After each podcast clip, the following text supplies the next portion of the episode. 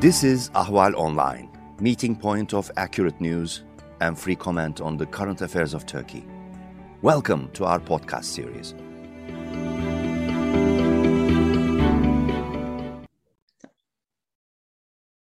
Dear audience, Ahval audience. I'm Gülten Sarı. Today, again, uh, from Washington with 12 minutes, we will be discussing the uh, Turkey's efforts to normalize uh, relations with Armenia with Aykan Erdemir, Senior Director of Turkey Program, Foundation for Defense of Democracies. Welcome, uh, Mr. Erdemir. Thanks for having me. Um, Turkey seems to have a better relationship with its neighbors uh, and the countries of uh, which has some problems in the past and now. And now we again um, see that it's trying to uh, normalize relations with Armenia. Uh, what do you think about this? What's the purpose of this uh, attempt uh, by Ankara uh, now? Now, this year, uh, we see attempts on two fronts to normalize relations. One is with Armenia, and the other one is with Israel. And these attempts build on earlier attempts by the Erdogan government to reach out to first Egypt, then to the United Arab Emirates, and then finally to Saudi Arabia. So when we put all these together, uh, there is a pattern uh, that is driven by several different factors. One is the Erdogan government's recognition uh, of its uh, increasing isolation in the Eastern Mediterranean, uh, which uh, has become not only a diplomatic problem, but also a military problem. The second issue is Turkey's financial meltdown uh, mm-hmm. and the need uh, to open up access to new markets and to attract new investment from abroad. And this is particularly true when it comes to the Gulf capital. And third, it has to do with uh, both US and EU politics, uh, because Ankara's perception is that uh, Turkey's crash course uh, with Armenia and Israel uh, undermine uh, its image and diplomatic potential, both in Washington and in Brussels. So Erdogan is hoping that a normalization attempt uh, will also remedy uh, Turkey's kind of both soft power uh, and diplomatic deficit in both of these capitals.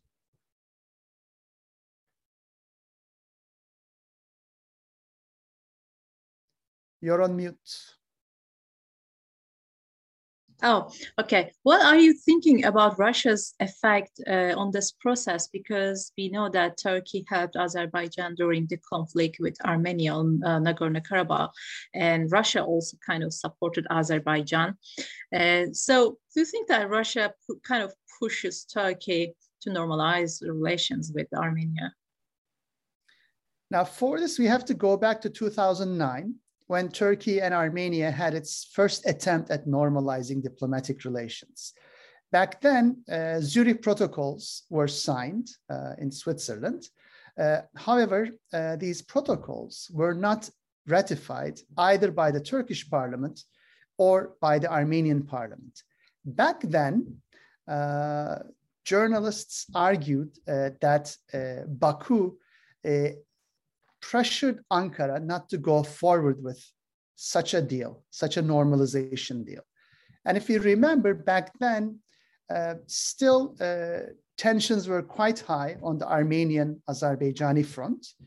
And until uh, Baku uh, got its own territory back uh, from Armenia, it did not want uh, Turkey to go ahead with normalization. At this point, uh, observers in the South Caucasus uh, claim that there is not a similar pressure, negative pressure uh, by Azerbaijan. Hence, they are a bit more hopeful about the normalization attempt. And when it comes to Russia, uh, given uh, Russia has significant leverage, not only uh, over its military ally Armenia, but uh, also on Turkey and Azerbaijan. mm-hmm. potentially an, a normalization attempt is also encouraged by Moscow. but ultimately, I think Erdogan will have to walk a tightrope, balancing, um, let's say, the, the pressure or the feedback from the Turkish electorate with the potential gains he expects both in South Caucasus and with relations uh, in relations with Russia, the United States, and the European Union. Mm-hmm. So, uh, what about uh, Erdogan regime's uh, motivation behind this move? Is it a sincere motivation or just um, another show off just to prove that Turkey is kind of normalizing uh, relations with its neighbors.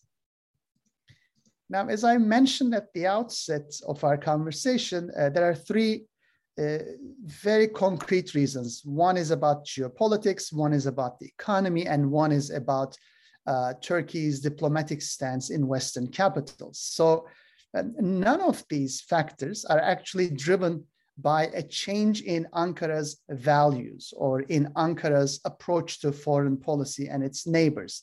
They're mostly uh, expediency driven developments. And in Washington, particularly, Erdogan is hoping that his outreach to Israel and Armenia uh, mm-hmm. will have a major impact on what he sees as very effective lobbies, namely the Armenian lobby and the Jewish lobby, in Washington and in the United States in general. And he hopes this could be a quick fix to Turkey's problems.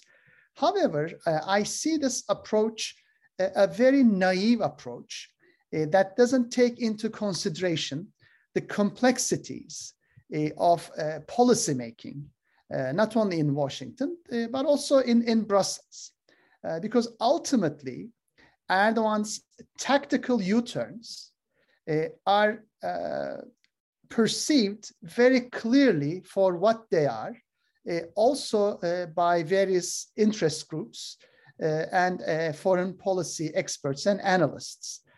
so if Erdogan is hoping for a quick fix to all the problems he himself has caused in the first place, uh, then uh, in the run up to Turkey's challenging 2023 presidential and parliamentary elections, Erdogan shouldn't expect quick wins, quick returns.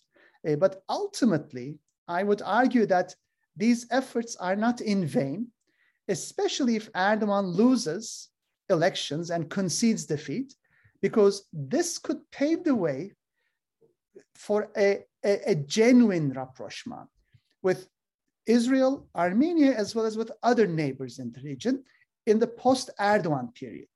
Because once Erdogan sets into motion these rapprochement processes and lend some legitimacy to these processes, a, a more secular oriented and pro Western government in Turkey, a, a big tent umbrella uh, coalition government in Turkey, can definitely uh, bring to fruition such attempts and put Turkey back on a path of reconciliation uh, and amends making.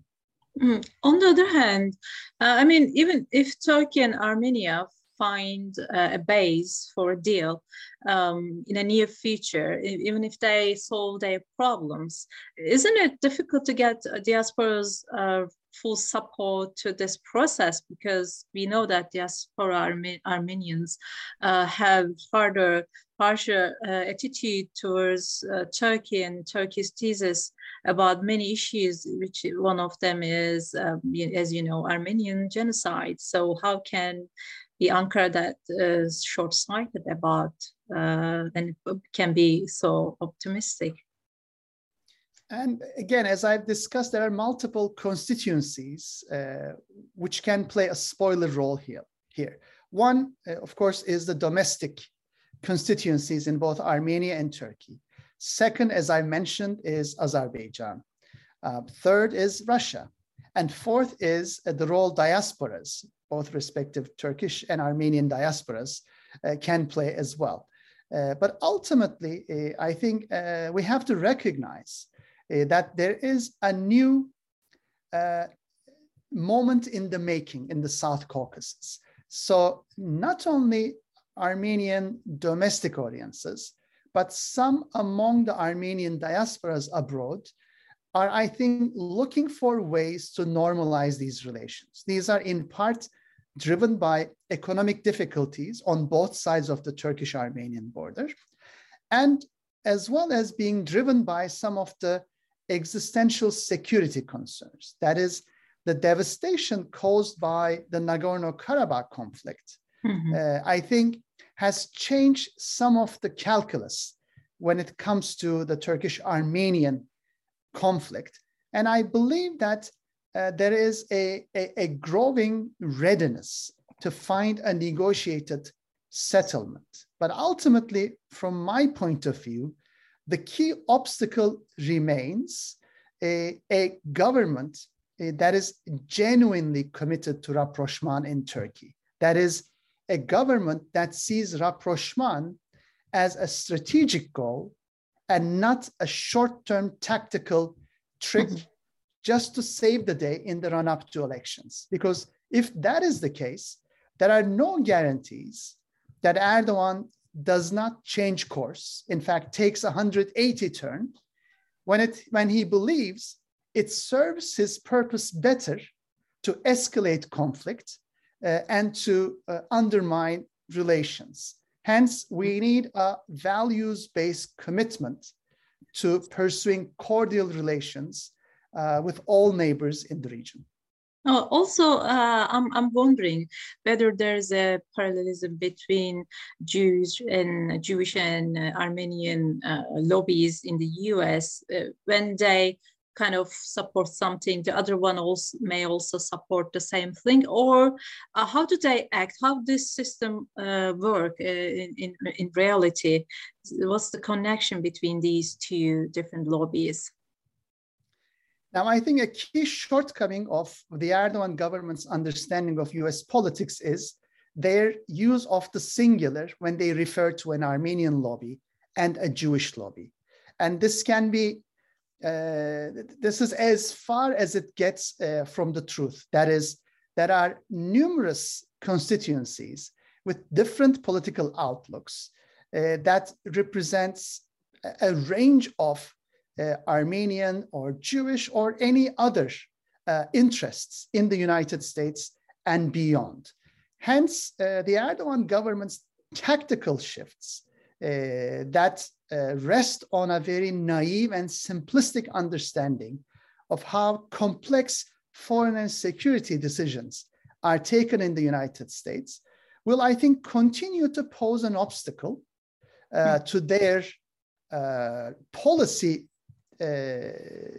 design and implementation, mm-hmm. as it also caused similar obstacles when Erdogan was hostile to these very same groups. So I would argue that both Erdogan's hostility and positive outreach to these diverse groups are informed or misinformed by the same kind of prejudices and biases, which mm-hmm. ultimately end up undermining Erdogan's very own policy steps. So this time, the possibility of uh, collapse of the process uh, is easier than the pre previous attempts. Uh, do you agree? Now, ultimately, I would argue that there is interest in both Armenia and in Israel, as well as in among the diaspora communities, for improving relations with Turkey but everyone is proceeding with caution given they have had uh, numerous negative experiences with Erdogan. Mm-hmm. And I think everyone is keenly aware that this is a, a, a very pragmatic, tactical move uh, mm-hmm. that could be reversed overnight. Okay, okay. Thank you very much, Mr. Erdemir, for joining us and explaining all this process for our. Thanks audience. for having me.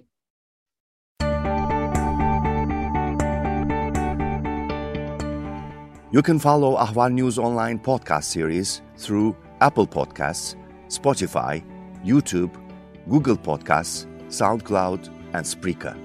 All you need to know about Turkey is here for your ears, mind, and attention. Thank you for listening to our podcast.